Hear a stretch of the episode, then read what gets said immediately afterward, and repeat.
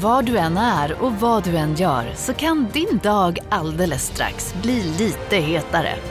För nu är Spicy Chicken McNuggets äntligen tillbaka på McDonalds. En riktigt het comeback för alla som har längtat. Ska vi gå hem? Kom on, kom on, kom on.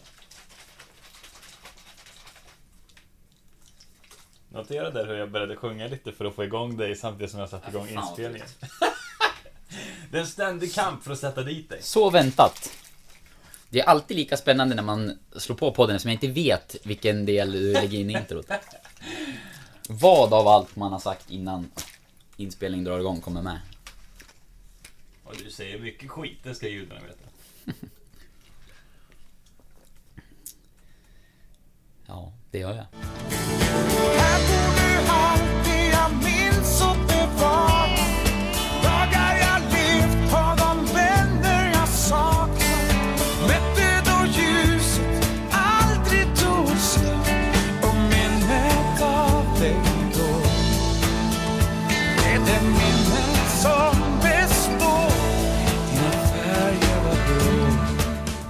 Du lyssnar på GIF-podden avsnitt 34 med mig, Petter Öling. Mitt emot mig, Joel, sheriffen Cedergren. Och bredvid mig, Oskar, Teskedsgumman, Lund. Tack för den. Det var något nytt. Ja, välkommen Joel! Tack så mycket. Hur står det till? Det är jättebra. Trevligt att vara här. Ja, härligt. Ja, Kul vi- att du är här. Det är ju, du är en eh, efterfrågad och efterlängtad gäst. Absolut. Vi, eh, GIF-poddens lyssnare har efterlyst dig som gäst. Och vi har levererat. Mm, det är vi nöjda med. Och eh, ja, nej men du, det var ju du som hade pratade med Joel och eh, ställde upp direkt. Ja. ja det var Ja, ingen tvekan absolut. från din sida. Nej men det, det känns... Jag tycker att ni gör ett bra program. Kul. Eh, så att, och all... Allting som gäller GIF Sundsvall som är förhoppningsvis eh, ger mer intresse. Så det ställer jag gärna upp på. Är du en eh, lyssnare? Mm, inte alla program, men eh, jag har lyssnat på de flesta. Vad tycker du om eh, redaktionen och så? Det lilla du såg nu, det är oftast, i 99 fall av 100 är det ju vi som besöker din arbetsplats. Nu får du komma in här och se lite hur vi har det. Nu ska jag ge feedback till er. Det är inte så ofta vi kör den vägen. Nej men det är... Jag har en bänk på min vänstra. Det är ett ganska litet rum. Det är väl två och en halv gånger Det fyra. Det var det här vi inte ville att han skulle göra. Det. En beskrivning. På vänster sida har jag eh, en bänk och det är ganska stökigt på bänken. Ja. Eh, rakt framför mig så är en, ett, ett ståbord, ett skrivbord som är ett gäng sladdar på. Eh, jag tycker att det var lite för stökigt för att det var helt snyggt. Jag, jag är beredd att hålla med. Men, eh, men annars så, det är, ju, det är ju fönster här och fin utsikt Ja. eh, mot kyrkan. ja. Man ser ner att- mot Selångersån här också. Så att placeringen på, på rummet är väl trevligt så. Den har ju inte vi eh, bidragit till så mycket. Nej, det kan vi inte... I, I och för sig är det inte vårt fel att det är stökigt heller. Nej, det är det inte. Det är, det är inte vårt eh, kontor vi står på. Om utan det- någonting så har vi ju städat lite grann innan vi ska podda. Ja, men det ser hemskt ut. Det gör det faktiskt. Jag önskar jag skulle kunna säga samma Oskar när vi förlorar. Det är inte mitt fel att vi förlorar. Men tyvärr så. Ah, vi- Okej, vi tar på oss det. Ja, bra. bra. Men om man går in på det sportsliga lite grann då. Nu har ni fått vinna dels i kuppen här och sen hemma mot Örebro. En mirakelvändning som vi uttryckte det. Vad Ja. betyder den segern för eh, självförtroendet? Jag tror att den betyder en hel del. Eh, Man såg det på killarna att det var ju fantastiskt glada efter förstås. Alltså, den eufori som var då när vi, när vi gjorde mål och vi vann matchen, den var... Den är häftig. Det, det är en av anledningarna varför man är med i ett idrottslag. Alltså vinna. Och särskilt då när vi har haft en så tuff period bakom oss. Dels inte de resultat vi önskar och vi har fått en del kritik och sen vända på det här sättet och vinna. Nej men det var, det var häftigt. Eh, och självförtroendet är en färskvara. Eh, du kan prestera bra men vinner du inte så, så kommer aldrig få ett riktigt bra självförtroende. Så absolut betyder det en del för oss. Eh, sen, sen vet vi också att ja, nästa match är en ny match. Och, men jag tror ingången i nästa match är i alla fall lättare. För spelarna. När Vad du, gör ni nu under uppehållet då? Nu är det två veckors uppehåll här med landslaget som spelar Ja. ikväll. Vi står och spelar in här torsdag 31 augusti. Men hur ser dagarna ut för er nu? Eh, nu, första dagen de är lediga, de är lediga hela fyra dagar. Och spelarna är väldigt sällan lediga mer än en dag. eh, i rad. Så det är väldigt bra för oss att få den här ledigheten och, och grabbarna, en del reser utomlands, någon åker hem. Det är inte alla som är från Sundsvall, eller ganska få. Så man åker hem till familj och träffar vänner. Så det är ett väldigt bra break för oss att få.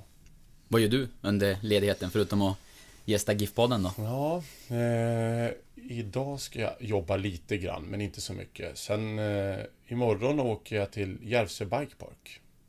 Jaha. Vad händer Da- där? eh, där ska ni åka. Det är ett häftigt ställe. Jag borde få rabatt för det här av Järvsö. Kanske du får också. ja, just det. Ja, just det. Jag har gjort en deal med dem.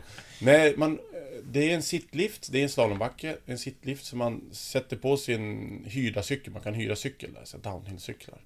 Slänger man på den där på så åker man sittlift upp, tar av cykeln och sen finns det leder neröver. Så man, man hyr en cykel och där får man hjälm och skydd och allt och sen är det bara att köra.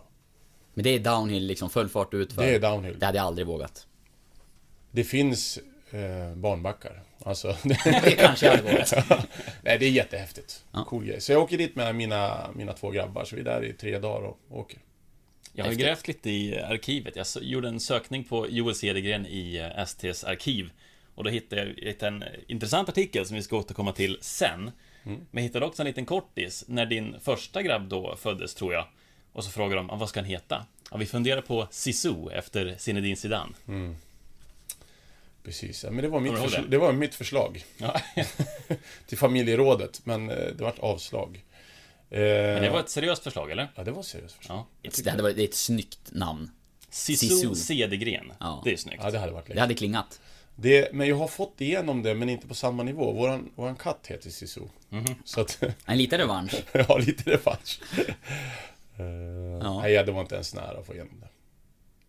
Nej, vilken fotbollsspelare i alla fall. Absolut. Eh, Oj, oj, oj. Ska vi dyka ner i någon av lyssnarfrågorna? Ja, men har vi kanske ska göra det. nästan 25-30 stycken. Vi får väl tacka alla lyssnarna för att de har varit så bra på ställa sina frågor. Vi kanske inte kommer få med alla idag, men vi ska väl försöka i alla fall. Mm. Nej, det har ju aldrig varit sån, eh, sån uppslutning, även om vi har uppmanat till frågor många gånger så... Den här gången levererade ni och hoppas att det fortsätter. Vi har ju planerat att ha Linus Hallenius som gäst nästa vecka. Ja, Och eh, vi vill ha frågor till honom också. Mm. Vi har redan fått ett par. kan börja med Sebastian Karlberg då, som först och främst säger förstklassig gäst. Kul. Tycker han att Giffarna attackerar boxen tillräckligt bra? Han är ju du då, Joel. Tycker du att Giffarna attackerar boxen tillräckligt bra när ni har bollen på kanten? Om inte, hur vill du förbättra det? Mm. Jag tycker att vi har blivit bättre över året. Jag tycker att vi är bättre senaste matchen än vi varit tidigare. Eh, vi kom in med fler spelare och vi har bättre timing. Vi kom in i bättre ytor än vi gjort tidigare. Så att eh, jag tycker vi är på rätt väg. Sen, om du frågar mig om jag är nöjd, det är nästan ingen del i spelet som jag är helt nöjd med. Det, det finns nästan inte den känslan av att nöjd, utan jag försöker hela tiden bli bättre. Sen måste jag prioritera vilken del av spelet vi ska bli bättre på, men det här har vi jobbat en del med på, på slutet.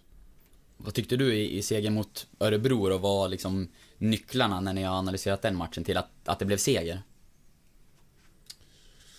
Ja, alltså... Jag tycker att Örebro ger oss ytor där vi är bra. Så att jag tycker att det beror en del på deras försvarsspel. Eh, som gör att vi kan, kan skapa så pass mycket som vi gör den här matchen. Ehm, så det är en del på grund av dem. Sen tycker jag att vi är...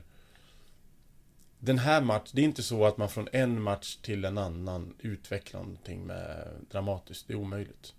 Utan det tar lång tid att utveckla delar i spelet. För det handlar inte bara om att ja, du ska, du ska göra det här och så gör spelare. Utan man måste förstå det först på ett, på ett teoretiskt plan. Sen måste du utföra på plan och sen måste du sitta i ett beteende naturligt. Du kan inte tänka när du spelar utan när bollen går ut där, då sticker jag in i boxen. För det har vi tränat så mycket på. Så att det är därför utvecklingen av ett spel tar lång tid. Eh, och då kan man säga, ja men varför var ni bättre den här matchen än förra matchen? Men det beror väldigt mycket på motståndare. Hur, hur ställer de upp och hur lyckas vi att lösa deras, deras eh, försvarsspel? Eller tvärtom. Hur, hur spelar de anfallsspel och hur lyckas vi då att, att försvara oss på ett bra sätt? Ehm, så att det är en nycklarna i den här matchen. Jag tyckte att vi var... Jag tyckte vi lyckades ta oss in i de ytor vi vill och attackera därifrån. Och dels på grund av vår skicklighet men också på grund av att Örebro gav vissa ytor som är tacksamma för oss. Sebastian hade en fråga till här. Eh, har han någon gång under säsongen funderat på att ge en annan målvakt chansen? Det ska också sägas att vi har ju en stafettfråga från vår ena gäst till nästa. Vi skulle ha haft. Vår förra gäst, det var William Eskelinen. Jag mästade honom igår och frågade, det kommer vara Joel imorgon i podden. Har du någon fråga till honom? Jag ser att han har läst det här, för jag har fått en liten sån avisering. Han har inte svarat.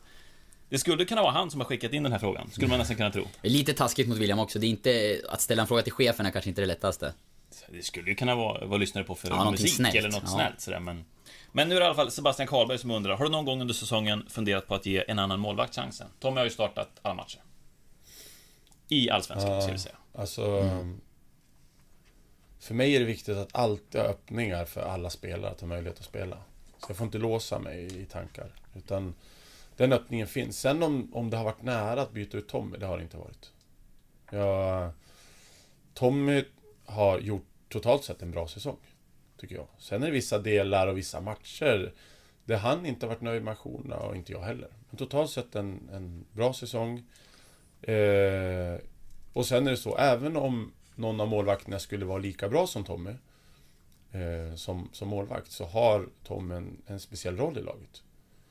Han, har, han är kapten och han, han är en viktig ledare för oss i laget. Så för mig är han eh, mm, ja, ovärderlig, kanske ett starkt ord. Men, men han betyder väldigt mycket för oss som grupp och, och för mig också som, som ledare för laget. För han, han ger mig feedback på hur, hur är läget i gruppen? Hur, vad tycker spelarna? Vad ska jag tänka på? Så att, eh, jag har en väldigt bra relation till Tommy. Men det var ingen gång, han har haft lite skadeproblem så här. Det var någon, eh, om det var inför Halmstad-matchen kanske när han inte tränade på fyra, bara tränade dagen innan match till exempel den veckan. Har det inte varit nära någon gång då att William har... Djurgården borta var väl också, Ja, till och med på bussresan ner, att det fanns lite frågetecken va? Nej men det har det varit. Alltså att Tommy inte har kunnat spela. Eh, det är klart att kan inte han spela, då är det en annan målvakt. Mm. Men om han har kunnat, jag mer förstod frågan som om han kan spela. Har jag valt då att byta honom och det har jag inte, det har jag inte haft. Intressant det där du säger med dialogen med Tommy. Det har man ju reflekterat över och och märkt om man är på, på era träningar. Att det är ganska ofta som, som du och han står och pratar rätt länge efter träningspassen. Hur, hur mycket använder du honom liksom i den rollen och vad är de största fördelarna? Vad, I eran liksom relation och så, så de samtalen. Nej, men jag tror att... Jag har ju stort förtroende för honom. För att eh, jag kan prata med honom om saker som jag kanske inte pratar med alla spelare om. Eh, så att... Och, och det är lite speciellt när man är kapten så är man en, en mellanhand lite mellan, mellan spelarna och tränarna. Och jag, jag känner, jag berättar inte allting för honom, det är inte så. Men jag kan fråga saker och diskutera saker som jag, jag inte gör med andra spelare. Och, och fråga honom som efter förra året så fråga honom att hur Vad tycker du är viktigt inför eh, Inför nästa år? Eller vad, vad behöver jag ändra på till nästa år? Och eh, då frågade jag efter några dagar, har du funderat på det? Det är klart jag har funderat, men jag behöver några dagar till. Och då tänkte jag så här, men nu kommer en lång lista här. Du blir orolig. Men då, eh, efter några dagar till så kom han och så ger han mig bara en del. Ja, men det här tycker jag är viktigt. Tänk på det här. Så att eh, han är duktig också att inte komma med vad som helst. Utan sortera, men det här, det här är viktigt att det tas vidare nu. Du kan ju gissa att vi blev ganska nyfikna på vilken del det var nu, men... Ja, men det kan jag berätta också. Eh, tycker jag. Han, han sa det att... Och jag hade precis samma känsla som Tommy. Att under hösten så vart ju min fokus väldigt mycket på att de spelarna som spelade matchen, att ge dem feedback. Och de spelarna var samma spelare som skulle spela nästa match. Så jag vart väldigt mycket att jag pratade med de här spelarna efter match och innan nästa match. Och missade att ge feedback till de spelarna som inte startade. Missade, men gjorde det för lite. Och, och på det sättet så vart det att vissa i den här gruppen, att vi inte riktigt drog åt samma håll. Så det tyckte Tommy var den viktigaste delen inför, inför året. Och det, mm, det är klart att jag haft med det. Eftersom jag hade en samsyn när han, när han gav mig den feedbacken. Har du någon annan tränare sådär som du, alltså kanske någon internationellt som du ser upp till eller någon som du har haft kontakt med och fått tips och råd av eller någon i Allsvenskan kanske som du har något lite utbyte med, gått någon tränarutbildning med. Finns det något sånt? Ja. Några liksom förebilder ungefär? Oj, förebilder har jag Mentorsfigurer, många. eller vad man ska säga. Mentorsfigurer... Närmaste mentor kanske skulle vara... Jag har ingen mentor så, rakt av. Men förebilder har jag ju flera internationellt. Mm. Alltså, jag tittar ju hur tränare jobbar. Inte alla förstås. Men de som är duktiga, som jag anser är duktiga.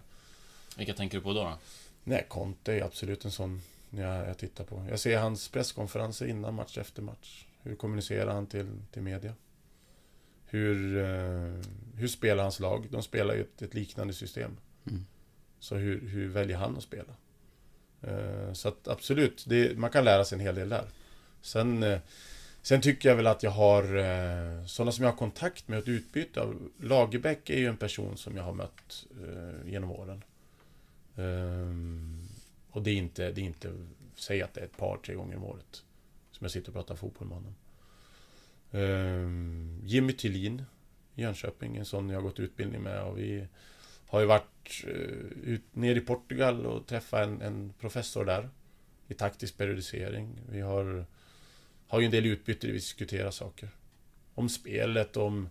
Ja men nu stöter jag på det här problemet. Hur, hur skulle du tänka nu? Så att han har jag ganska tät kontakt med. Hur är det nu då när ni ändå konkurrerar ganska? Nu var det ju de som föll ner på kvalplatsen. Ja, jag ringde han igår, då svarade han inte. Men vi är faktiskt sådär, både jag och han är så att vi ringer och så svarar han till den ena och sen till slut får vi kontakt. Ja. Så att, nej men vi är väldigt, vi önskar varandra eh, all lycka. Eh, Sen, nu är vi konkurrenter just nu då. Och klart att vi vill att vårt lag ska vinna. Men det är en, dialog som liksom finns hela tiden under pågående säsong så. Ja, det är en, den är ju inte, det är ju inte varje vecka. Det är då och då. Men, men han är... Jag tog tag i honom direkt. Jag gick ju provkursen med honom, alltså Svenska fotbollsförbundets tränarutbildning. Så bara efter ett par dagar så såg jag den här killen intressant. Så jag sög tag i honom. Och, och började intervjua honom. Hur han... Eh, hur ser hans spelidé ut? Hur, eh, hur tränar han laget? Hur funderar han? Hur utvecklar han idén? Hur säkerställer han utveckling? När stabiliserar han vissa delar i spelet? När vill han utveckla vissa delar? Hur planerar han inför det? Eh, Så att det vart mycket frågor och intervjuer där. Det, är, det känns som att det är ganska tydligt att du, ehm, du vill utbilda dig och, och ta dig vidare och lära dig mer som, som tränare. Du har ju varit i, och Portugal nämnde du, du har väl varit i, i Barcelona på utbildningar och träffade Ferran den vägen bland annat. Och, så här, hur, berätta att du ser presskonferenser med Conte och så för att snappa upp saker och ting. Hur mycket jobbar du med dig själv så för att, ja, för att ta steg som, som tränare? Jag tror sådär, jag har inget, jag har inget driv att jag vill någon annanstans eller jag vill vidare till dit eller dit. Utan min önskan är att jag ska bli bättre. Och det hade jag som spelare, jag la ner mycket tid för att försöka bli bättre. Och det gör jag som tränare också för att, för att det är så jäkla kul att bli bättre. Det är egentligen det. Så det är en helt egoistisk del att jag stimuleras av det när jag känner att, att jag tar steg och blir bättre. Så lägger ner massa tid, det gör jag inte. Men, men framförallt så jobbar jag för att laget och mina spelare ska bli bättre. Det är ju det, det jag lägger mest tid på. Men sen när jag får tid över på kvällar eller på resor eller då, då försöker jag studera. Vi kommer in lite på en fråga som vi fick från Hugo. Det här var nästan min favorit. Mm. För jag var också lite nyfiken på liksom, personen Joel Cedergren bakom eller bortom fotbollen. Och han har, den är indelad i flera frågor här, men det finns ju inget roligare än fotboll. Hur tänker man när man ger sig in i en sån bransch? Hur kombinerar man familj, andra planer i livet, man aldrig vet hur länge man har kvar jobbet, och vad som eventuellt väntar därefter? Hur hanterar man dåliga dagar på jobbet? Mm. Och flera frågor där. Ja, Mm. Ehm, hur tänker du när, du när man ger sig in i en sån bransch då? Hur kombinerar man familj och andra planer i livet med fotbollen? För det är en osäker bransch. Ja, alltså... Att det är en osäker bransch, det är ju ingen tvekan om det. Det har jag fått känna på, alltså att det är ett, ett tryck och jag vet att risken är att, att man kan bli av med jobbet. Den finns ju där. Jag tänker inte så mycket på det, för att om, om det blir så, då... Jag har löst saker i livet tidigare. Eh, så att, att jag inte ska hoppa på det här och göra någonting som jag känns väldigt spännande för att risken att jag blir av med jobbet, det kan jag, så kan jag inte tänka. Eller så vill jag inte tänka. Utan eh, jag lägger egentligen ingen tid på om jag blir av med jobbet. Jag har inte ens tänkt på vad ska jag göra om jag blir av med jobbet någon gång har jag har liksom snuddat mig att Ska jag flytta och försöka vara fotbollstränare eller ska jag, försöka, ska jag hitta något annat att göra och bo kvar i Sundsvall? De tankarna har funnits där, men det är ingenting som jag går ofta och tänker på. Och jag har ingen plan om det är så att Ja men nu, nu får du gå härifrån. Vad, vad gör du då?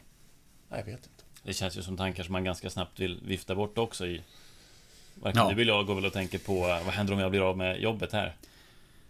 Nej, men jag tror ändå att de många kan ha snuddat vid tanken vad man skulle göra om man gjorde någonting annat. Ja.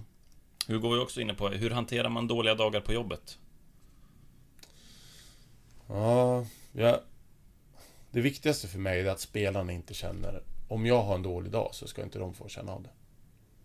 Det är jätteviktigt. Och det, det är en disciplin. Att se till att inte, de, att inte de drabbas av det.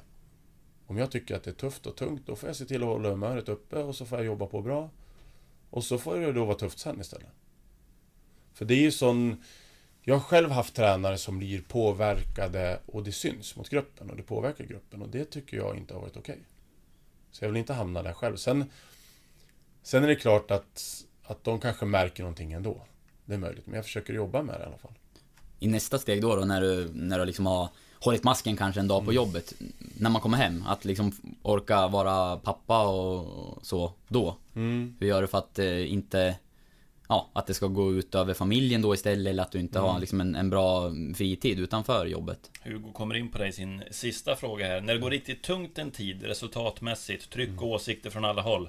Kan man skaka av sig det och komma hem och vara den glada, trygga pappan? Jag skulle nog inte klara det särskilt bra. Punkt, punkt, punkt. Bra fråga Hugo. det var, Ja. det, var det, det jag ville åt. Absolut. Ja. Men det är klart att Jag har sagt det någon gång förut när jag har haft en intervju att Ja men hur påverkas du? Jag tror att alla människor påverkas av det som händer runt en.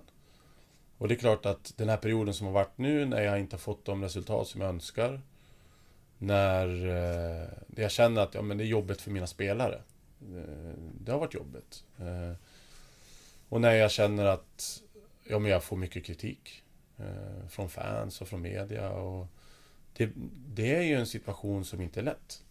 Och, och när jag kommer hem så... Ja men ibland så tycker jag att det är tufft. Jag försöker också där att, att det inte ska gå ut över barnen. Men det är klart, jag tror ibland så... Så är jag inte så bra pappa som jag skulle vilja vara alltid. Hur mycket liksom Hur sammanflätat är det då? För jag vet du berättade någon gång i någon livesändning där med var väl efter Djurgårdsmatchen Mm, det. med banderollen där Avgå Joel då, Så kom du upp morgonen därpå så sjöng han Avgå pappa! Ja, nej men... Då är det svårt att komma undan fotbollen med Ja, nej men det är ju det. Nej men de är ju med i det här på det sättet att de ser matcher och... och eh, så att de är väldigt liksom inne i, i, i mitt jobb. Mm, Någon, någon match här, jag tror att det var efter Kalmar, då, då satt ena grabben och var ledsen när jag kom hem efter matchen för att... För att det var ju folk som skrek att jag skulle sluta. Och, och det tyckte jag var jobbigt. Liksom, det var inte bara jag här som, som får av det här, utan det... Då var det min grabb. Hittills så har det gått bra. Det var den här gången som han var ledsen. Det är väl enda gången. Men då tänkte jag, oh, det här var, det här var jobbigt. Mm. Eh, Men, Ja. men generellt så är det väl så att efter en förlust så tycker jag att det är jobbigt, men jag har... Jag tror att jag har haft lite tur i min, i min genetik, för jag har ganska lätt att bli... Få pos- positiva tankar igen. Det går ganska snabbt för mig att tänka, ja men det finns möjligheter. Vi kan göra det här och det här. Hur blir lösningen på det här? Så, så jag tror att det är inte så att jag går och mår jättedåligt när det går tungt. Utan jag är snabbt in och tänker, okej, men då måste vi utveckla det här och det här. Hur ska det gå till? Hur ska träningsveckan se ut? Och då har vi möjligheter att, att vinna nästa match. Vi pratade faktiskt just om det i senaste podden. Eh, om du kanske har lyssnat på det, men vi var inne på just, du, du gav ett svar efter matchen mot eh, eh, Örebro angående utvisning just att första tanken var oh shit och sen så liksom fokus på, på nästa del och vi diskuterade lite vikten av det hos en elittränare. Får du jobba hårt med, med de bitarna eller är det, du nämnde det nu, genetiken, kommer det, kommer det per automatik hos dig? Nej, men jag tror att det är en del av det. Jag tror att min, min pappa, eh, som gick bort för några år sedan, han, när han vaknade på morgonen så ofta så visslade han lite och sjöng. Och, och jag tror jag har fått lite av den, den mentala gåvan. Att, att ganska lättsam och glad i sinnet. Så att jag tror att det hjälper mig i alla fall. När, det, när det är tungt och när det inte går bra. Vi har en till fråga från eh, Anders Lindqvist som är inne lite på samma sak. Eh, Han undrar om du tycker att supportrarna ställer för hårda krav när resultaten inte går er väg? Eller är det positivt att folk visar engagemang? Alltså jag har ett... Jag har ett fantastiskt jobb på det sättet. Jag, jag vet att det vi gör påverkar många människor. Inte bara mina, mina killar mm, som är 20 stycken plus stav är 25 stycken. Utan det påverkar många tusentals människor. Att, att bli jätteglada när vi, när vi vinner. Och den möjligheten har jag. Sen är det ju så att ja, vi förlorar ibland. Eh, och, och det påverkar människor negativt också. Jag förstår att det gör det. Eh, sen har jag väl tänkt en del på att den kritiken jag får att jag ska sluta och, och allt vad det innebär.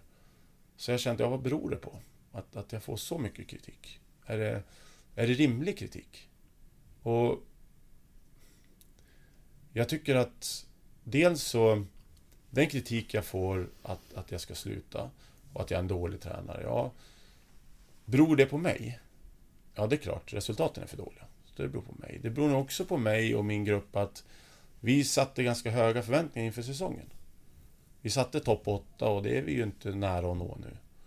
Så att lite självförvållat att vi får kritik, det tror jag att det är.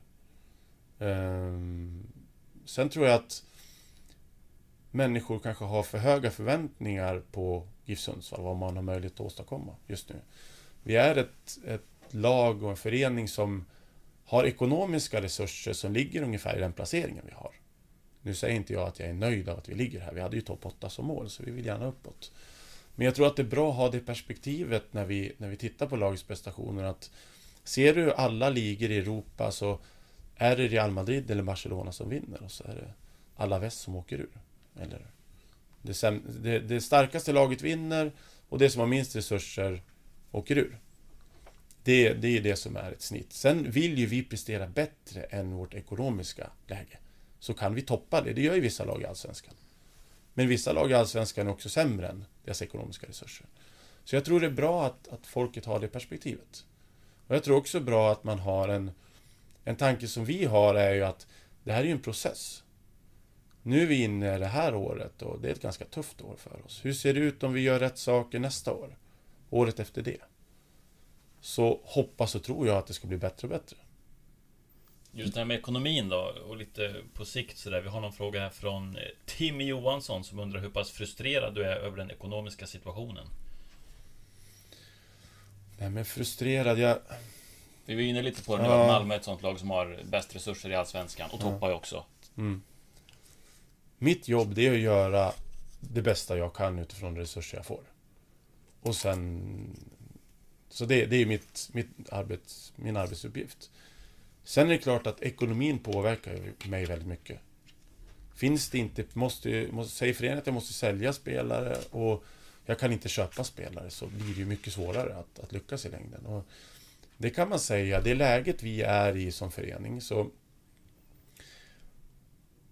Ja, om, om vi säger om jag skulle vilja resa iväg någonstans. Om jag skulle på en utlandsresa. Då kan jag fundera, hur, hur får jag ihop pengar till det? Jag måste spara ihop pengar. Ja, det kan jag göra via att skära ner på kostnader. Jag kanske inte äter lunch ute eller jag köper inte den där jackan. Eller, till slut så får jag ihop till utlandssemestern. Eller så kan jag öka intäkterna. Jag kanske kan jobba extra någonstans. Så de två vägarna har jag. Och för GIF Sundsvall idag så ska man ta nästa steg så går det inte att skära på kostnader. För att kunna ta sig vidare och bli bättre. För mig så är den enda vägen att öka intäkter. Och för att kunna öka intäkter så, så då behöver vi ha staden med oss. Så ska vi bli ett lag som tar oss att kunna bli ett stabilt allsvenskt lag först och främst, men sen kanske ytterligare steg. Så behöver staden vara med oss på ett ännu starkare sätt. Annars så kommer vi bli det lag som vi har varit senaste decenniet. Vi kommer vara lite uppåt och neråt.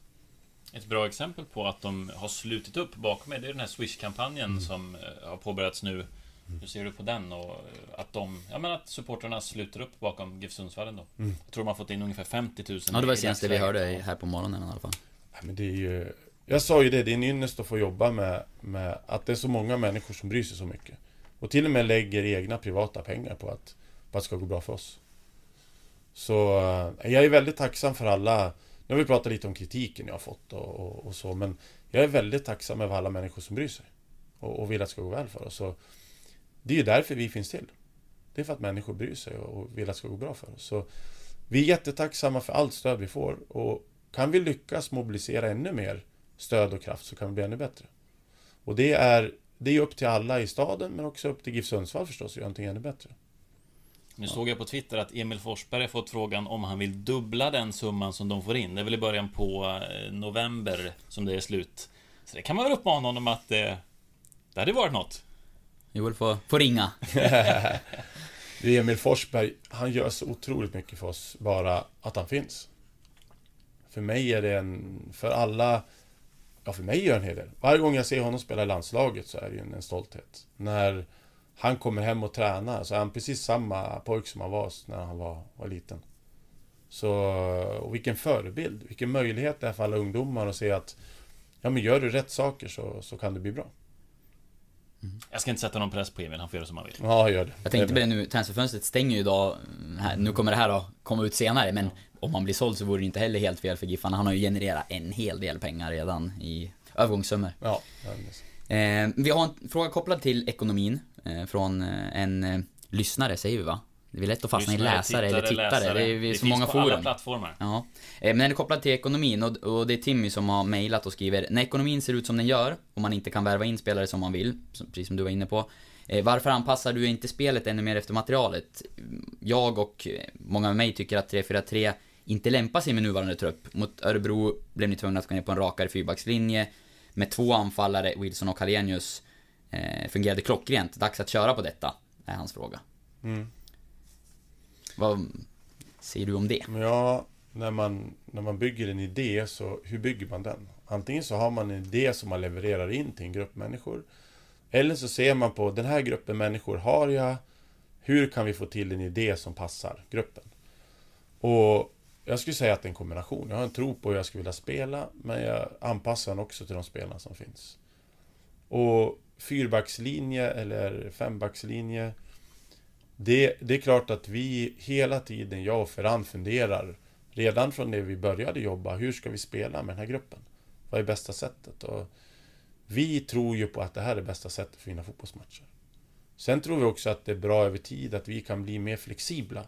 Att vi, beroende på hur motståndaren ställer upp och vilka ytor som finns och vilka ytor vi vill stänga, så är det bra om vi kan hitta en flexibilitet i spelet. Eh, säg att vi går över till en fyrbackslinje senast och, och det blir succé.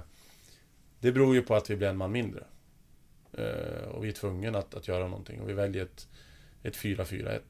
Eh, och fyrbackslinje har vi gått över till tidigare när vi känner att vi vi behöver ett resultat. Vi behöver jaga.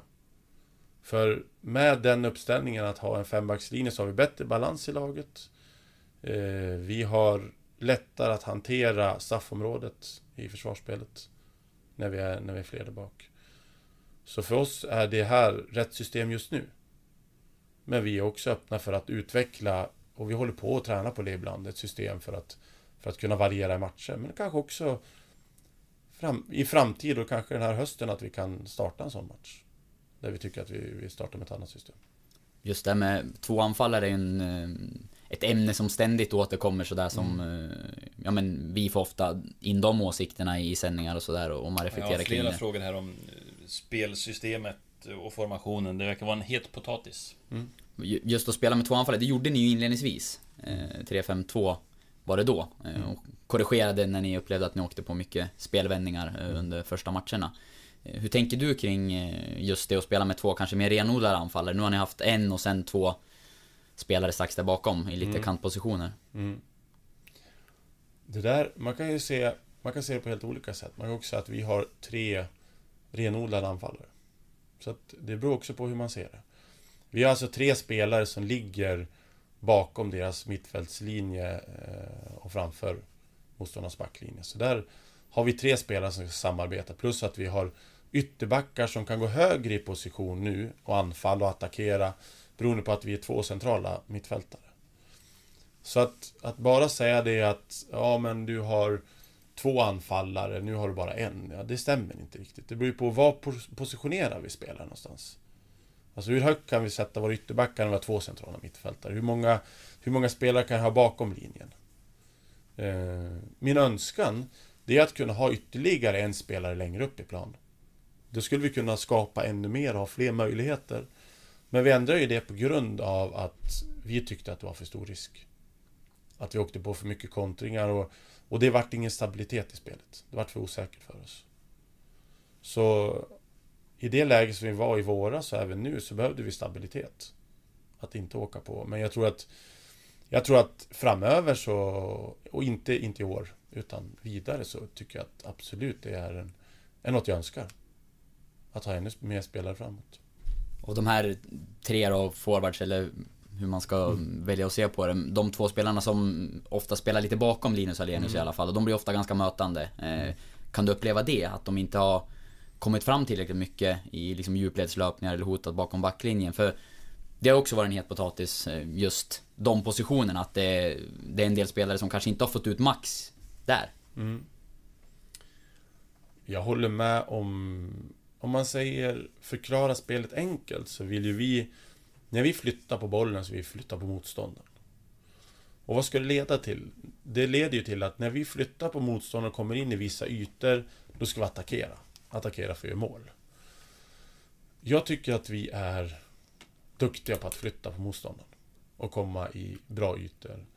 Sen är vi inte lika bra på att attackera när vi ska attackera.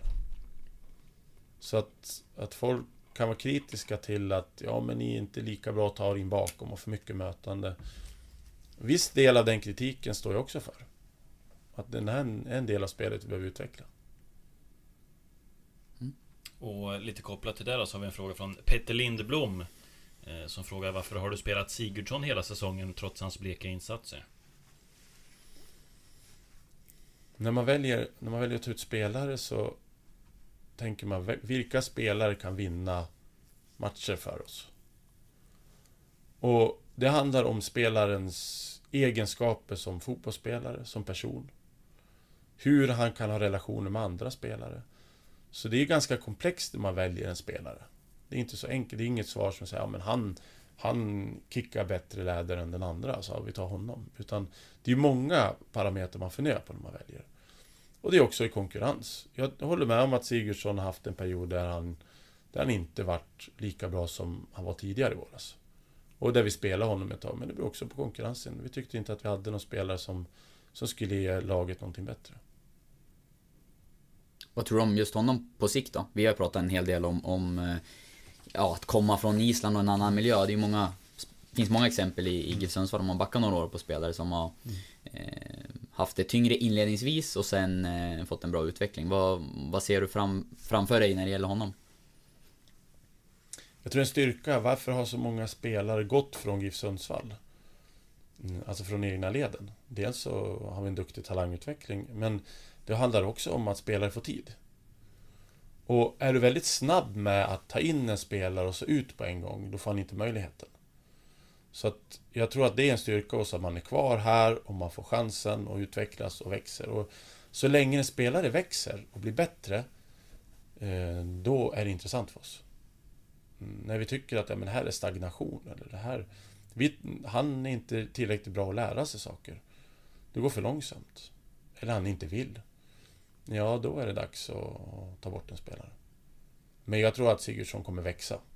Eh, och det, det är bra att ge det perspektivet, för det ska man ha. att Han kommer från Island, en helt annan nivå på fotboll. Han gjorde det bra och utvecklades bra under våren.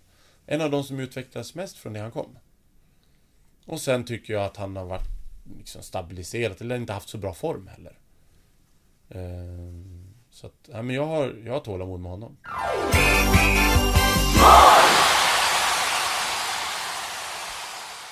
Jag har ju grävt lite i arkivet Joel Eh, Och jag hittade många godbitar Bland annat en artikel från, vi ska se här 2002 22 juli Vår kollega Fredrik Lindahl som skrev den här Mm, nu börjar han svettas. Skruva på sig. eh, Rubriken då Joel Cedergren är redo för kamp Eh, nedryckare. GIFs tuffing på mittfältet är viktig i nya spelsystemet. Och så ingressen. Hit men inte längre. Giffarnas försvar pressar mot Joel Cedergren. Han vinner bollen. Med fula knep. Citat. Jag drar ofta i tröjan. Det gäller att göra det så domaren inte ser, eller inte tillräckligt för att han ska blåsa. Man kan också knuffa till motståndaren i rätt tillfälle, säger Joel. Vad tänker du så här långt? Då kan jag säga så här, tittar man på mina fingrar så ser man att det är sant. De pekar lite snett dit och lite dit. Och så de är, med lite svullna runt, runt lederna. Ja. Nej, men det är klart att jag var en... Eh, det är väl en liten rolig historia. När min, när min fru kom hit 2000, hon- min fru är från Brasilien. Och så, hon kom hit i april-maj där. Och då var mitt första år i Giffarna. Och så efter hon sett första matchen, och det gick bra för oss i den matchen. Jag kommer inte ihåg hur det gick. Och vilka det var mot. Men då kom jag hem och jätteglad. Och, och hon ser lite sådär eh, fundersam ut. Och, Välkomna sommaren med att... Res med Stena Line i sommar och gör det mesta av din semester. Ta bilen till Danmark, Tyskland, Lettland, Polen och resten av Europa. Se alla våra destinationer och boka nu på stenaline.se. Välkommen ombord!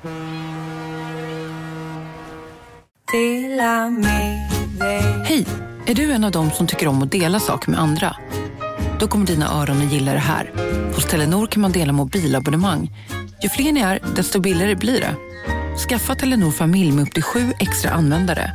Välkommen till någon av Telenors butiker eller telenor.se. lite besviken.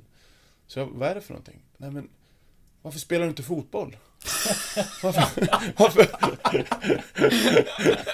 varför kan du inte liksom passa och, dribbla och springa och knuffas och brottas? Nej, så det var, det var hennes bild liksom, direkt från Brasilien Ja. och hit. Det var inte det vackra spelet. Nej, det var inte det vackra spelet. Och, och det är klart, jag hade inte de talangerna eh, att spela det vackra spelet. Men eh, det är kanske därför den, av den avsaknaden av talang så önskar jag spela en sån fotboll idag kanske. Jag hittade också en annan. Det var bara en mening som jag tyckte var väldigt kul som går att eh, ja, använda här då. Joel Cedergren är fotbollsspelaren som inte med den bästa viljan i världen kan beskrivas som någon målskytt. Det var från en annan artikel. Det var, det var också Fredrik Lindahl va? Ska vi se. Det var det faktiskt. Han försöker sätta Vi försöker skapa en konflikt här. Eh, nej, men de fortsätter och, i den här artikeln då att eh, Giffarnas balansspelare, en av dem i Allsvenskan som gör allra mest ont att möta och en av dem som har mest fula knep. Du hamnade på tredje plats av mittfältarna i kategorin mest fula knep och femma av dem som gör mest ont att möta. När magasinet Offside i en stor enkät frågade Allsvenskans spelare. Då får, får, får du frågan här av Lindahl. Är du besviken att du inte kom etta?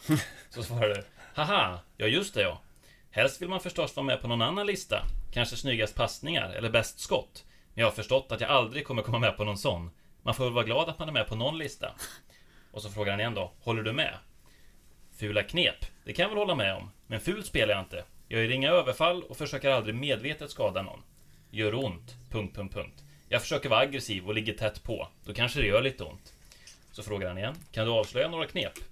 Knep och knep. Jag drar ofta i tröjan. Ja, men då kommer det ut där. Det gäller att göra det så att domaren inte ser. Jag tycker det här är jätteintressant och du hann ju komma in på det själv just eh, vad det var för spelartyp och vad det är för tränare och det är ju Det är kontraster. Du, som spelare så är det ju kanske den här bilden som de flesta minns och liksom en, en karaktär och lagspelare och kapten och tuff mittfältare och som tränare så vill du stå för en väldigt passningsorienterad fotboll och, och sådär. Ehm, hur kommer det sig? Men jag, redan som spelare så, så ville jag gärna spela. Jag ville gärna vara en, en spelare som hade, hade talanger och kunde, kunde slå sista passningar och öppna spelet och vända bort spelare och dribbla. Jag tyckte det verkade fantastiskt. När jag var ung så tränade jag mycket sånt men jag, jag hade inte riktigt förmågan och förstod att skulle jag bli skulle jag bli bra, så bra jag kunde bli, så var det inte där jag skulle bli bra. Så jag försökte att utveckla det som, som kunde bli min styrka. Ehm, och, så att den, den önskan att spela ett annat spel än det jag gjorde fanns ju där. Men, men också insikten att vad, vad är jag för någonting?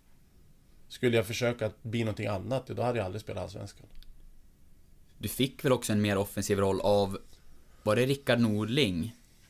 Eller vilken tränare var det som, det var någon som lyfte upp dig i ett litet steg. Jag vill minnas att du har uttalat om det i någon intervju sådär att du, du trivdes med när du fick en lite mer offensiv än något av åren va?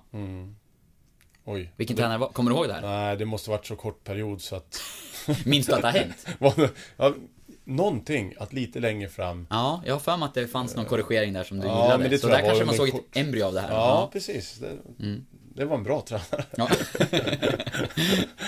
Ja, eller inte. Ja, nej, jag kommer inte... Jag kommer ihåg någon, någonting runt det, men inte vem det var. Har du några andra minnen sådär från spelarkarriären främst som sticker ut? Ja, Alltså, när det gäller att vinna matcher så var Ljungskile eh, är ju det jag minns starkast. Ja. Den finns väldigt eh, starkt på näthinnan.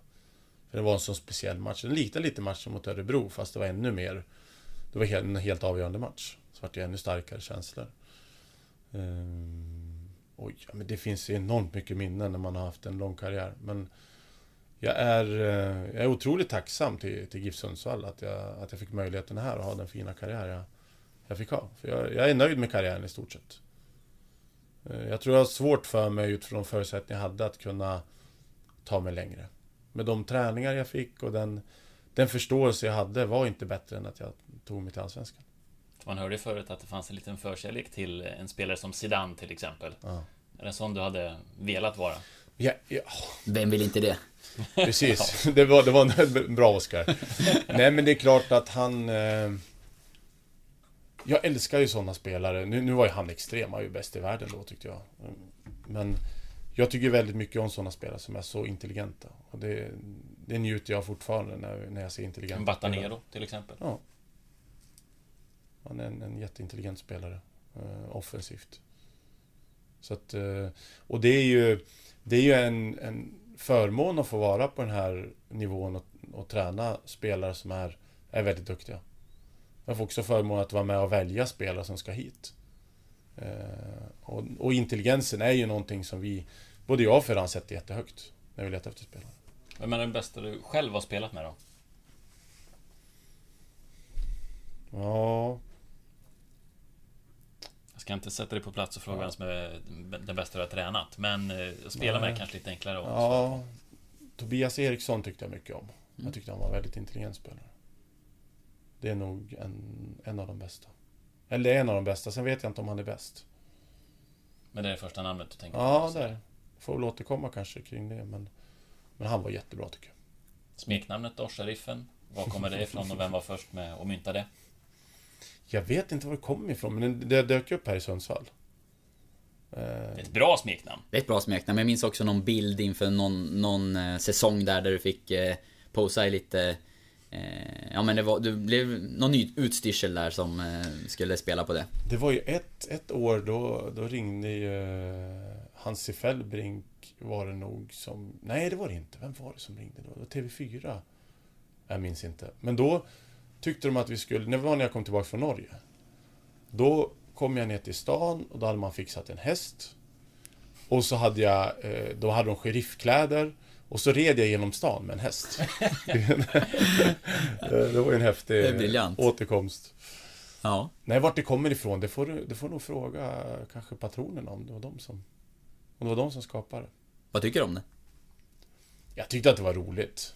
Eh, bara att få ett smeknamn var kul. Och jag förstår smeknamnet. Mm. att det kom.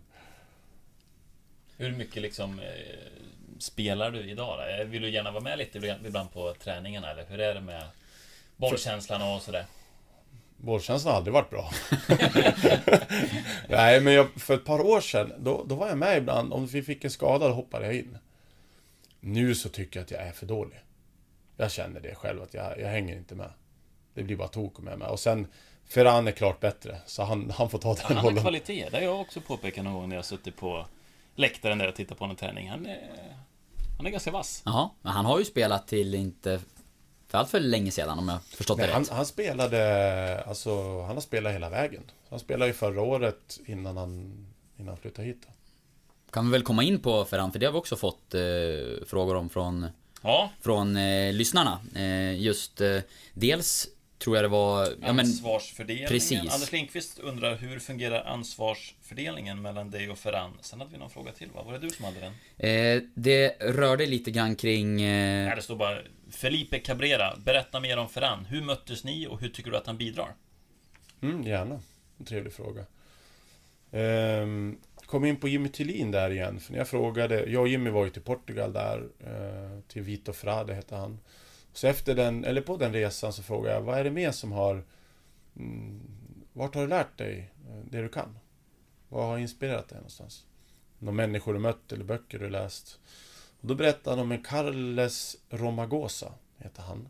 Som är en, en katalan som var i Sverige och höll några kurser via sitt företag.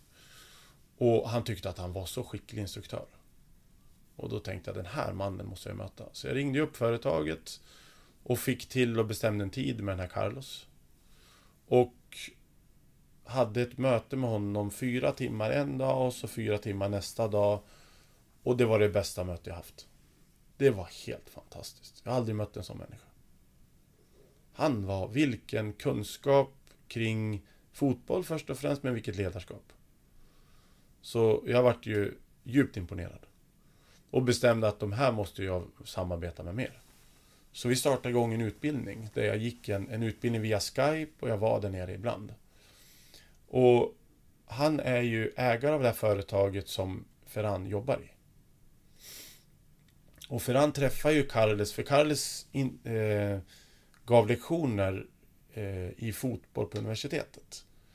Så Ferran hod- hade honom som lärare i tre år. Och efter de här tre åren så såg ju Carles att det här var en talang. Han borde jag få in i företaget. Så Ferran började i företaget och den vägen så har ju Ferran gått en skola i världsklass. Bakom den här mannen. För att Carles Romagosa, när jag mötte honom så tänkte jag att det här måste vara världsklass. Om inte det här är världsklass, vad är då? Vad är det då? Och senare fick jag höra att den här Carles, han, han hade ju möten när Pep var tränare i Barcelona. Där Pep kom till honom och diskuterade fotboll och ville ha tips och råd. Så den här miljön har ju då Ferran gått i dagligen i flera år. Och fått till sig, han lärt sig saker. Han har berättat att han lärt sig saker varje dag. Det, det förstår jag. Ehm, så han är ju ung Ferran, men har ju fått lära sig väldigt mycket.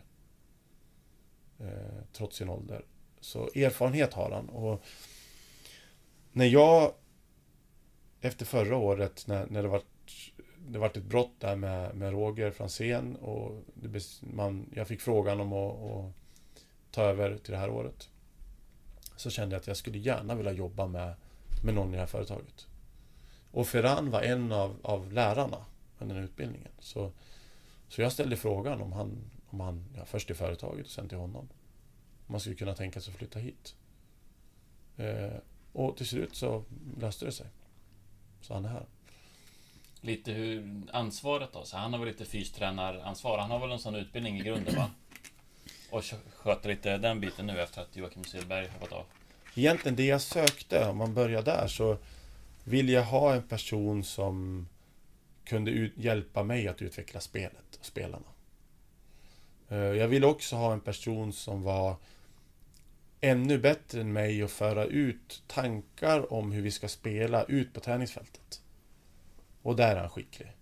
Så det var ju, det var ju önskan när jag rekryterade honom. Men först och främst när jag tittade efter vem, vem behöver jag så var det en person med, med rätt värderingar, med rätt syn på, på hur ser vi på människor, hur vill vi utveckla dem? Vad vill vi skapa för kultur? Så det var ju frågor som var viktiga och där, där när vi, när vi satt och, och pratades vid så kände jag direkt att, att det här känns självklart. Och hela det företaget är en fantastisk miljö. Vilka människor som jobbar där. Och, så att där, där, där var vi och ansvarsfördelningen är ju det att han... Vi ser alltid matchen. Vi diskuterar matchen. Vi funderar på vad behöver vi ta vidare i träningsveckan? Vad ska vi göra nu? Och han är, ger förslag på träningar. Så här tycker jag att vi skulle kunna träna det här. Jag tittar på det och säger ja men det här tror jag vi skulle kunna justera eller Det här tycker jag ser bra ut. Eh, och sen har vi träningen tillsammans. Eh, han är ofta den som den som startar övningar och ofta leder övningar och jag bryter in när jag tycker att jag behöver bryta in. Ja, hur har han och hans tankar mottagits av spelarna lite grann? För jag tänker det, det är ändå speciellt att komma in som du nämner, han är ganska ung, han kommer Mm. från Spanien. Hur har det tagits emot av spelarna? Jag tror spelarna gillar honom jättemycket. Eh, För att han hjälper dem att bli bättre. Och, och en sån person gillar du i yrkeslivet. Och han är också en, en underbar person. Väldigt ödmjuk och, och vänlig samtidigt. Som han, som han är en duktig instruktör. Så det har varit ett... Eh, jag är jättenöjd med, med honom som... Jag tycker inte om att säga assisterande, utan kollega. Vi jobbar ju tillsammans och... Du frågar där om arbetsfördelningen så... Så är det så att vi gör ju i stort sett allting tillsammans. Men han är mer och konstruerar träningar. Jag jobbar lite mer långsiktigt. Eh, till exempel planer inför 2018. Vad behöver vi för någonting för att kunna ta nästa steg? Eh, och hur ska vi, hur, vad ska vi göra då? Det kan också vara på, på mellanlång sikt. Okej, hur löser vi den här situationen som är på väg upp nu? Eller, vilka spelare behöver vi in till nästa år? Vilka ska vi kanske göra oss av med? Hur går det med hans svenska? Jag vet, vi märker av lite han... I början så var det lite hej hej, tack. Det kommer mer och mer. Ja, nu, han frågar vad jag åt till frukost, frågade Mm. han efter ett tag sedan. Osäker om han snappade upp mitt svar, men eh, kanske. Svenska komplicerad, säger han i alla fall. Nej, nu lät det mer som en ryss. men, men han, eh, nej, men han studerar. Nu har det varit en period när det har varit mycket för oss på jobbet och hans eh, lärare som är, ja, han är spanjor. Så han var på semester, så det har varit mindre nu. Men han, han går egentligen en gång i veckan. Har han försökt under en period i alla fall. En eh, fråga till där, just, det rör Ferran, men med företag, det är inte bara Ferran jobbar ju här, men ni samarbetar ju med det här företaget som jobbar efter Econometod i stort. Mm. Hur pass involverad är de i, i GIF Sundsvall? Alltså, tanken när jag fick chansen att, att ta över, så tänker jag det att min... Vad är min roll? Det är att se till att, att laget blir så bra som möjligt. A-laget. Så jag behövde hjälp där. Men om det här ska bli bra över lång sikt, och, och min, mina tankar är väldigt mycket lång sikt också. Jag kan inte bara tänka kort sikt, för då kommer jag aldrig att lyckas över tid. Så en del av uppdraget som vi gav till företaget, det var ju att göra en föreningsanalys. En analys över hur föreningen fungerar och med särskild inblick över ungdomssidan. Hur jobbar vi där och vad behöver vi utveckla för att bli bättre? För ett vinnande lag, att, att vinna matcher, det är en helhet. Det är att föreningen lyckas. Hela vägen ner till att individer och hel, att ungdom lyckas. Annars kommer vi aldrig bli så bra vi kan bli. Så den helhetssynen tror jag är, är avgörande om, om vi ska lyckas över tid. En fråga som jag är lite nyfiken på, och först måste jag säga att jag hoppas att mikrofonen inte snappar upp min kurrande mage, den kanske du hör här? Jag hör den. Ja, jag har inte ätit någon frukost idag. Eh, men det är att du har ju provtränat i Kina. Var det en eller två gånger? Och du får berätta lite om det. Vart i Kina var det och hur var den upplevelsen? Jag var 20 drygt, säg att jag var 22, jag kommer inte ihåg exakt.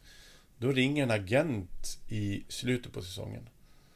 Och så säger han så här, du, vill du med till Kina? Nej, det vet jag inte. Vad tänkte jag? Och då, då trodde jag att, för vi hade ett par stycken som höll på och drev en hel del. Så jag tänkte, det här är ju något practical joke. Men till slut så jag fick hans nummer och jag kollade upp eh, honom och ja men han var, han var sann, den här agenten. så jag ringde upp honom igen och sa okej vad, vad är det som gäller? Då hade de fått ett avhopp från en, en spelare som jag inte kommer ihåg vem det var, som inte kunde åka. Och de skulle bara åka några, om några dagar. Eh, Ja, vad är det som gäller då? Nej, men det är ett provspel, ni är fem stycken, en eller två får kontrakt. Du får en miljon netto eh, om du klarar det här. För bara själva provspelningen? Nej, för fasiken. För- för kontraktet, ett, ett års kontrakt. Då tänkte jag, men herregud, en miljon kronor. Det här är ju fantastiskt. Det, det måste jag, och vilket äventyr. Så jag tänkte, ja, men jag drar dit och testar. Så jag drog dit eh, och då var jag 22 och de andra var ju i slutet på karriären. De var ju liksom 33, 35, 36. Eh, och vi provspelade där och tyckte att det gick rätt så bra men fick ingen kontrakt. Eh, och jag gick ju en massagekurs samtidigt då så tänkte jag, men jag bryter den här massagekursen. Det var tre, två eller tre veckor kvar till diplomeringen. Så jag tänkte, men jag tar upp den när jag kommer tillbaka. Då flyttade hela skolan. Så när jag kom tillbaka från det här Kina, Kina-äventyret under, vad var jag borta en vecka kanske? Utan miljonen. Utan miljonen, utan diplomet som massagekurs. jag fick inte det heller. Det blev en förlustaffär. Ja, det vart det verkligen. Men en upplevelse kanske? Ja, det var, det var, det var häftigt. Eh, Jag kommer ihåg det, de andra, de här äldre killarna, de satt ju och drack lite öl på kvällarna och snackade och... Och... eh, Pelle Blom var ju där bland annat. Ja, okej. Och, och jag tränade lite extra där för att hålla mig i riktig form och, och vara redo för nästa dag. Och jag kommer ihåg det här, en, ett löptest vi hade. Det var nog sista dagen. Då, då säger en av provspelarna, men du, då var det 1500 meter, vi skulle springa på en löpbana. Då säger han, en ganska överviktig eh, spelare där som var på, liksom, karriären på väg att ta slut. Det här löptestet, vi kör samma tid allihopa. Då, eh, då kan de inte säga någonting. Då har det ingen betydelse. Och då var jag 22 och de andra var liksom, de var ju seniora. Så ja, jag är ledsen men jag kan inte göra så. Det här är en styrka jag har. Det här är en chans för mig. Ja, men du springer inte förbi mig, säger han. Ja, så jag, så, jag sa nog ingenting. Jag kommer inte ihåg exakt hur diskussionen gick till. Så dagen efter, på med dojorna, redo att springa. Efter ett varv så känner jag att det här går alldeles för långsamt. Jag måste springa snabbare. Så när jag är på väg om där så fäller han ut armen och börjar dra i mig. Så jag knuffar hans arm. Så vi liksom en duell där för att... Vad du sa? Man får knuffa bara inte domaren Nej, exakt. Nej, exakt. Där har jag nytta av mina eh, knep att dra i tröjor. Ja. Men du vann? Ja, ja. Nej, jag vann den där löptävlingen. Ja. Men man blir lite nyfiken på, du nämner att du var ju en löpstark spelare. Fysträningen har ju varit uppmärksammat nu under säsongen. Joakim Svedberg lämnade i juni. Mm. Hur ser du på liksom, fysträningen som var både före och efter? En del av hans kritik var ju att spelarna var för tunt tränade. Att det Mm. därför ni har haft mycket skador. Ehm, när det som... Fotboll är en extremt komplex sport. Det är 22 gubbar och man kan ställa ut spelaren vart man vill. Och man kan spela bollen i vilken riktning som helst. Ehm, så därför så är det otroligt viktigt att alla spelare tänker likadant för att reda ut det här kaoset. Och för att kunna reda ut ett kaos så behövs mycket tid. Så att vi alla har samma idé och samma uppfattning vad som behövs göras i varje situation. Och då krävs det mycket träning. Och den viktigaste egenskapen hos spelarna, vad är det? Är det tekniken? Är det, är det fysiken? Eller är det speluppfattningen? För oss, för mig och Ferran, så är speluppfattningen den absolut viktigaste egenskapen. Och det är den vi lägger mest tid på att utveckla. Det är det vi visar klipp på, det är det vi visar, pratar med spelare om. För det är därför Bataneiro kan spela hos oss och spela bra. Han har inga fysiska egenskaper överhuvudtaget egentligen. Som är något att skryta om. Eh, så speluppfattning är nummer ett. Och skulle jag sätta alla de här, egensk- de här egenskaperna på samma nivå så skulle det bara bli att jag inte tar mig så långt som jag kan och utveckla spelet. För mig är det viktigt en prioritering och den prioriteringen har jag. Sen är det viktigt att både teknik och fysik är inkluderat när man planerar träningar. För det är också viktiga egenskaper. Eh, fysik, generellt så utvecklar... Vad, vad är det vi vill med, med fysiken? Det är att spelare ska kunna spela hela matcher och att kunna göra sin roll i 90 minuter. Att de ska klara att göra alla de arbetsuppgifter de har i rollen. Eh, vi vill också att spelare ska kunna vara skadefria för att kunna träna kontinuerligt. Och vad behöver vi då träna för att vi ska kunna klara av det här? Det är det jag som, som tränare funderar över. Och min tanke är att det, för att utveckla spelet, för att utveckla fysiken så är det viktigaste hur vi planerar fotbollsträning. Alltså, hur periodiserar jag träning i en vecka, när jag har en vecka mellan matcher, eller jag har tre dagar, eller jag har tio dagar. Hur ser jag då till att få till alla fysiska egenskaper så att vi kan under en period bibehålla eller utveckla egenskaper?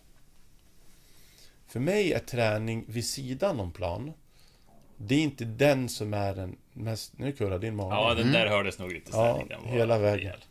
Ja. Klockan är kvart över tio, jag skulle äta frukost nästa gång om jag vore du. Ja, Nej, så, så att eh, utveckla fysiska egenskaper, det gör man framförallt på plan. Sen finns det delar som du behöver utveckla vid sidan om plan för att kunna hålla dig framförallt skadefri. Eh, så för mig att utveckla till exempel snabbhet för en spelare, det är inte intressant egenskap att lägga tid på. Ja, men det är inte intressant att en spelare blir snabbare då? Hur kan du säga att inte det är intressant?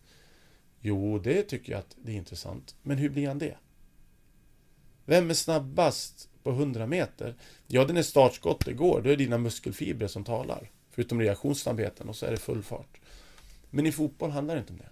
Det är den som uppfattar situationen snabbast, som löper tidigast, som går dit, eller droppar, eller vad man nu ska göra. Det är den som vinner situationen. Så snabbhet handlar direkt om speluppfattning. Och säger man då rent sprintsnabbhet, om vi går in på det, så krävs det väldigt mycket tid till att utveckla den här egenskapen väldigt lite. Så vi tycker inte att det är värt det. Så det är en prioriteringssak. Håller du med Joakim då, om man ska koppla till det han sa? Att är ni för dåligt tränade? Och finns det något samband med att ni har haft en del skador? Jag tycker inte vi är för dåligt tränade. Det ser du i matcher, att vi klarar av att spela matcher på ett bra sätt. Som ett kollektiv. Sen finns det individer som inte riktigt klarar att göra sin roll i 90 minuter. Du- var inne på snabbhet, jag tänkte det blir kopplat till det du sa precis. För uthålligheten är ju lättare att, träna än, än att omvandla, eh, få mer snabba muskelfibrer. Tränar ni det tillräckligt bara med fotboll som du ser? Eller liksom behöver, ja du nämner att det finns spelare kanske som skulle behöva en bättre uthållighet. Hur hanterar ni det? Vi gör det i fotbollsträning och i match. Att stimulera dem i att jobba väldigt hårt på träning. För det är framförallt där du kan utveckla det. Men det finns andra delar. Det finns personer... Jag var inne på helhet förut som förening. Men så är det ju också för mig som tränare att se spelarna i det perspektivet. För vissa behöver lära sig om hur, hur ska jag äta? Vissa kanske behöver gå ner lite i vikt. Vissa kanske inte sover på bästa sätt. Eller behöver hjälp hur man ska göra. Så där, det är viktigt att se till helheten där. Det handlar inte bara om att, att de ska löpa ännu mer. Utan hur kan vi se till att han klarar av rollen? Så det är en helhet. Men framförallt så är det på fotbollsträningar vi, vi stimulerar dem att jobba ännu mer. Och, och jobba med den här fysiska dimensionen. Vi kommer in lite på en fråga här från Anders Lindqvist som undrar Vilka krav ställer du på spelartruppen? Kost, attityd och så vidare. Och vad gör du om någon spelare inte uppfyller dina förväntningar?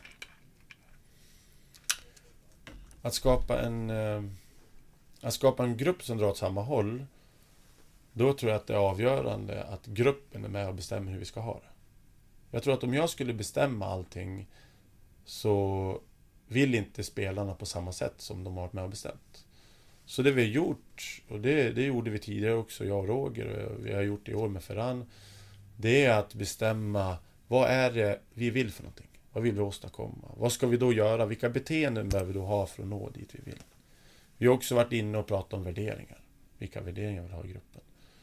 Så det här har vi bestämt tillsammans och då finns det st större drivkraft. Sen är det viktigt att jag som ledare ger feedback på när beteendena inte är det som vi har bestämt. Då måste ju spelarna få höra det. Som grund tror jag att leta efter beteenden de gör det bra. När gör någon det bra och kan jag då förstärka det så att det blir ännu starkare? Jag tror mer på att vattna goda beteenden. Men det är väldigt viktigt som tränare också att inte blunda för när beteenden inte är bra. Hur upplever du att de har skött sig då? Har du varit tvungen att gå in ofta och säga till att nu får du sköta kosten lite bättre eller nu får du sköta den här träningen lite bättre eller öka intensiteten på träningen eller vad det kan vara? Som grupp så är jag imponerad av dem. Av vad killarna gör. När de kommer på morgonen så ser du att alla är redo på att, att göra någonting bra. på dagen. Alla... Alla, jag ska inte säga att alla alltid är där. Men eh, väldigt ofta så är man väldigt uppmärksam på mötena. Vi har ju ofta videomöten på morgonen. Eh, där man lyssnar bra, man går ut på träning och det syns att de är fokuserade och gör sitt bästa. Så jag har en väldigt tacksamhet mot hur gruppen, hur gruppen jobbar. Och det är killar som är väldigt motiverade och, och vill ta sig någonstans i karriären och är beredda att jobba väldigt hårt för det. Så där, där har jag haft tur. Jag tror att det är tur och jag tror också att, att det hjälper att spelarna är med och är delaktiga i den här processen. Vi har ju fått höra exempel på um, möten på morgonen när, när spelare somnade och sådär och hur du hanterade det. Det har berättats i GIF-podden tidigare. Det var väl Erik Granat som... Inte ens jag till. Jo, jag tror Erik Granat pratar om det. Eh, Och att du, hur du hanterade det. Och det Mm. var inte i form av en utskällning. Utan det var i form av en diskussion och jag tror att det var så att ni kom fram till att eh, det hade hänt Han hade mycket. Jag tror att det var skola kombinerat med elitfotboll. Kommer du ihåg det här? Ja, jag kommer ihåg det lite grann. Och eh, att ni tog ett samtal om det istället och försökte hitta någon, någon lösning på att han skulle, ja, få ett bättre livspussel totalt sett då för att orka med sig och hinna med och, och inte vara trött på en videogenomgång. Jag tror han gick i skolan då. Precis.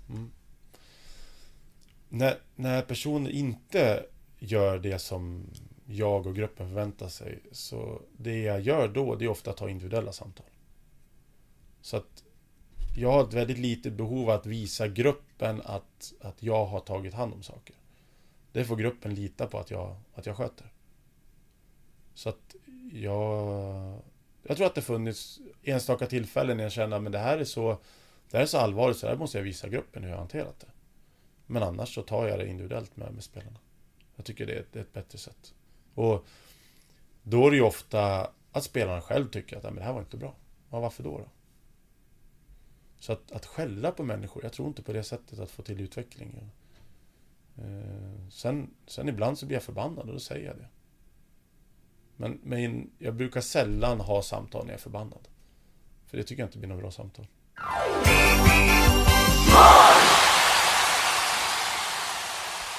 Är det någonting du eh, vill ta upp Joel när du ändå har den här eh, plattformen innan vi börjar runda av lite grann? Jag tycker att vi har en möjlighet här i Sundsvall med en, en stad som en fantastisk stad att bo i. Och har ett allsvenskt lag. Och jag vill tacka alla supportrar som, som ger oss stöd. Eh, alla företag som hjälper oss att, att kunna, kunna bli så bra vi kan bli. Och en önskan är att vi ska, ska blicka, blicka framåt och se möjligheten att vi kan bli ännu bättre. Vi kan ta ytterligare steg och det är helt omöjligt om vi inte gör det tillsammans. Så tack för stödet och en uppmaning. Vi, vi kan ännu mer. Lite kopplat till det jag är lite nyfiken på. Vi pratade mycket om publikintresset och nu var det precis över 3000 på senaste matchen här mot Örebro. Vad tycker du? Jag antar att det är någonting som ni kanske pratar om i föreningen lite i alla fall. Att hur ska man locka ännu mer publik till matcherna? Och du har varit inne på intäkterna lite grann, att de måste ökas. Det är över mitt huvud. Jag är inte med i sådana forum och diskuterar. Men jag vet att föreningen jobbar med frågorna. Och jag vet ut, utifrån så finns det en kritik. Ja, men se till att komma på matcher. Men jag har inte den synen på det. Jag ser mer att varför går jag på bio? Ja, för filmen är bra. Så att tydligen så är det inte tillräckligt intressant. Vi kan inte, vi kan inte uppmana folk och säga att du måste komma. Utan vi måste se oss i spegeln och säga okej, vad, vad ska vi göra då? Så att människor blir intresserade av att komma till oss. Vad tror ni kan göra? Oj, Oskar, jag har inte, jag har inte den inblicken och, och satt mig in i frågan tillräckligt mycket. Jag tror att det som måste skapas, tror jag, det är att människor känner sig knutna till, till laget. Att man, man känner en närhet, att det här betyder mycket för mig. På något sätt. Och vad, hur kan man göra det? det? Det är väl mer det som är... Jag tror att det är en, en viktig fråga i alla fall. Mm. Att värva underhållande och sp- fotbollsspelare kan ju vara en del och det finns faktiskt en liten annorlunda eh, lyssnarfråga, eller men den det sticker väl- ut. Det är väl klart att jag är delaktig i det. Mm. Ser jag till att vinna många fotbollsmatcher, vi spelar en fotboll som är kul att se på, så, så kommer det mer folk. Så att jag har en viktig roll i det här. F- Frågan var eh, kopplat till eh, att eh, jag tänker mig Brasilien att det i alla fall ska vara spekulära spelare, eller? Ja. Ja. Eh, Den lyder så här, den är, den är från Filip. Han undrar Har inte din fru några kusiner i Brasilien som vill provspela? Så han vill, eh, han vill kanske ha några brassar på plan då. Vi hade eh, faktiskt hennes, hennes bror för, ja, det här är många år sedan nu, nu är han, han är jämngammal med mig. Han ville ju komma hit, men då var jag spelare fortfarande. Okej. Eh, det som är med en kultur som är väldigt långt ifrån Sverige, som Brasilien är, eller många andra kulturer, det är att det är inte enkelt att flytta hit. Det är, det är språket, det är ett helt annat sätt att leva. Så det har stora utmaningar att leta långt ifrån Sverige. Sen, eh, så, så egentligen så tycker jag desto närmare vår kultur, desto bättre. Så att vi har inte aktivt letat så långt bort. Liksom, nu Brasilien kan vara en del, men samtidigt så kan man säga det att det finns också, det kan bli jackpot. Och ta en brasiliansk spelare, en afrikansk spelare. För att det finns enormt mycket talang. Vi har också nämnt exempel som Kayo Odori i den här podden eh, Mm. tidigare. Men inte, vad, vad du, spelade du med dem någonting? Den korta perioden de var här, de spelade, spelade ju inte så-. Kanske tränade tillsammans. Ja, Minns inte vilket år det var det här. Nej, inte jag heller. Det, är därför jag blir... det kan ha varit när du var i Norge kanske. ja. Ja jag känner inte igen det. Då börjar jag nog inte ha varit spelad med dem. På tal om Norge så hade vi ju Balagarba Tänkte med på en telefonintervju i podden här senast. Och då frågade vi, vi sa att eh, men du har ju spelat med Joel Cedergren som idag är huvudtränare för Giffarna. Vill du säga någonting till honom? Och då vill han hälsa och säga att han mindes dig som en fantastic man. Ja. Team player, Ja, och leader. han såg kvaliteter hos dig redan då som att ja, men jag tror att han skulle vara en bra Ja, tränare. absolut sa han. Det, ja, det Ja. var han väldigt tydlig med.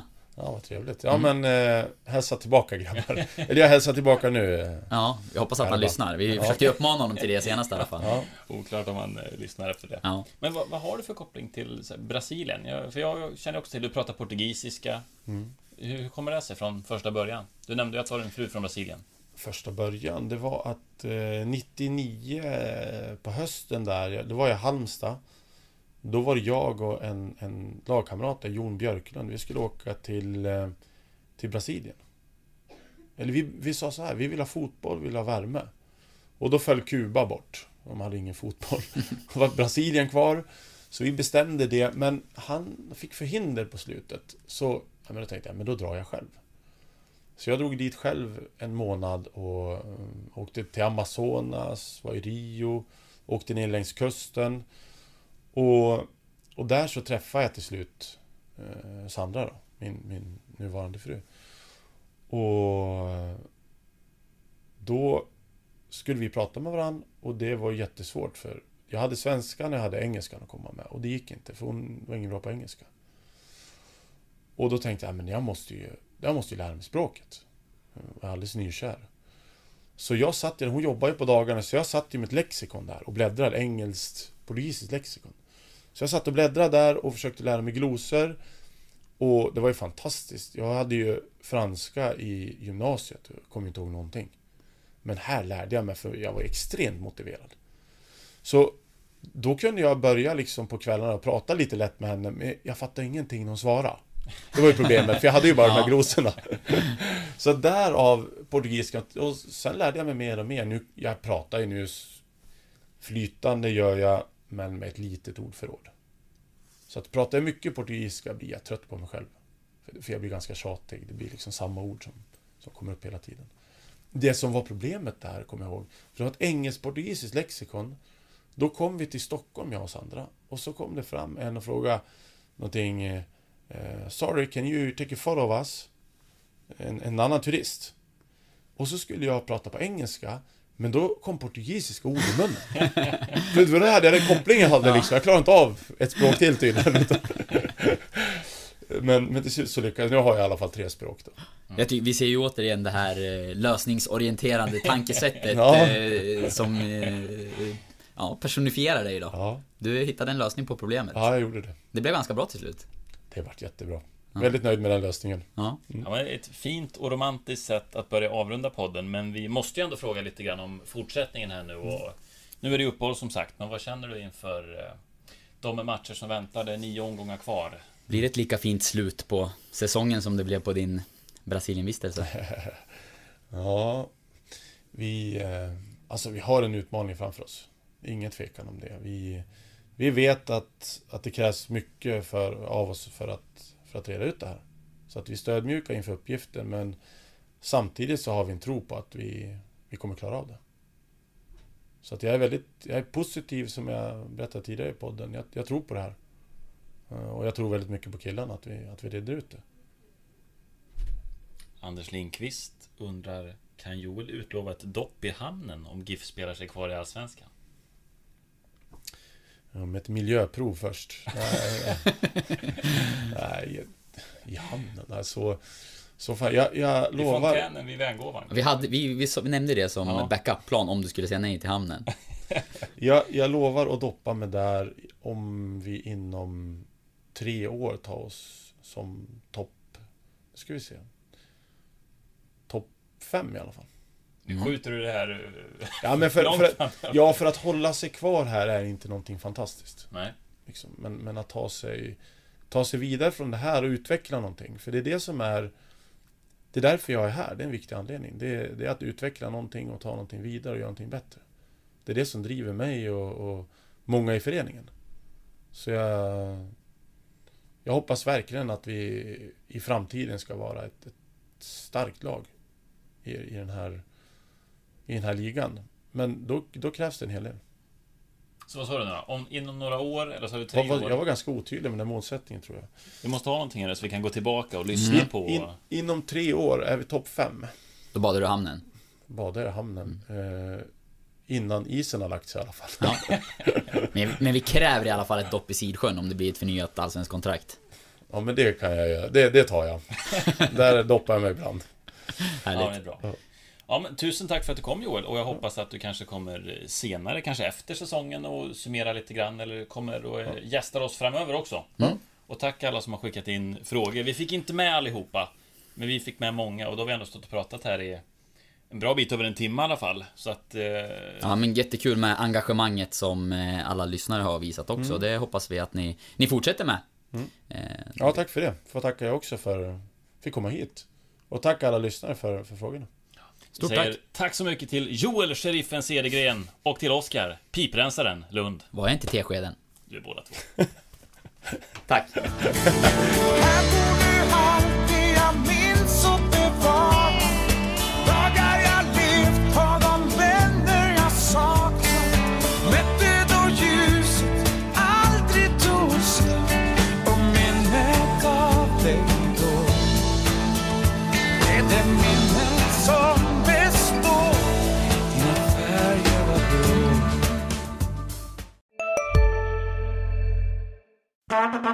Det där var för att uppmärksamma er på att McDonalds nu ger fina deals i sin app till alla som slänger sin takeaway förpackning på rätt ställe. Även om skräpet kommer från andra snabbmatsrestauranger som exempelvis Ma... Eller till exempel Burger... Om en yogamatta är på väg till dig, som gör att du för första gången hittar ditt inre lugn och gör dig befordrad på jobbet men du tackar nej för du drivs inte längre av prestation. Då finns det flera smarta sätt att beställa hem din yogamatta på. Som till våra paketboxar till exempel. Hälsningar Postnord.